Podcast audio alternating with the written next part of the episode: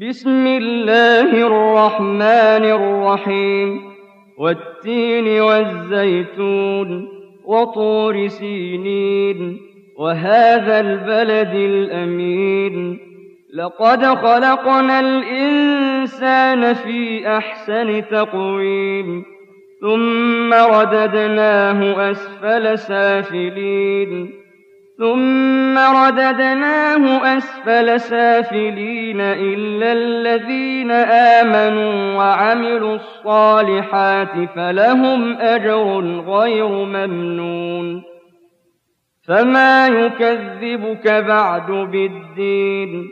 أليس الله بأحكم الحاكمين؟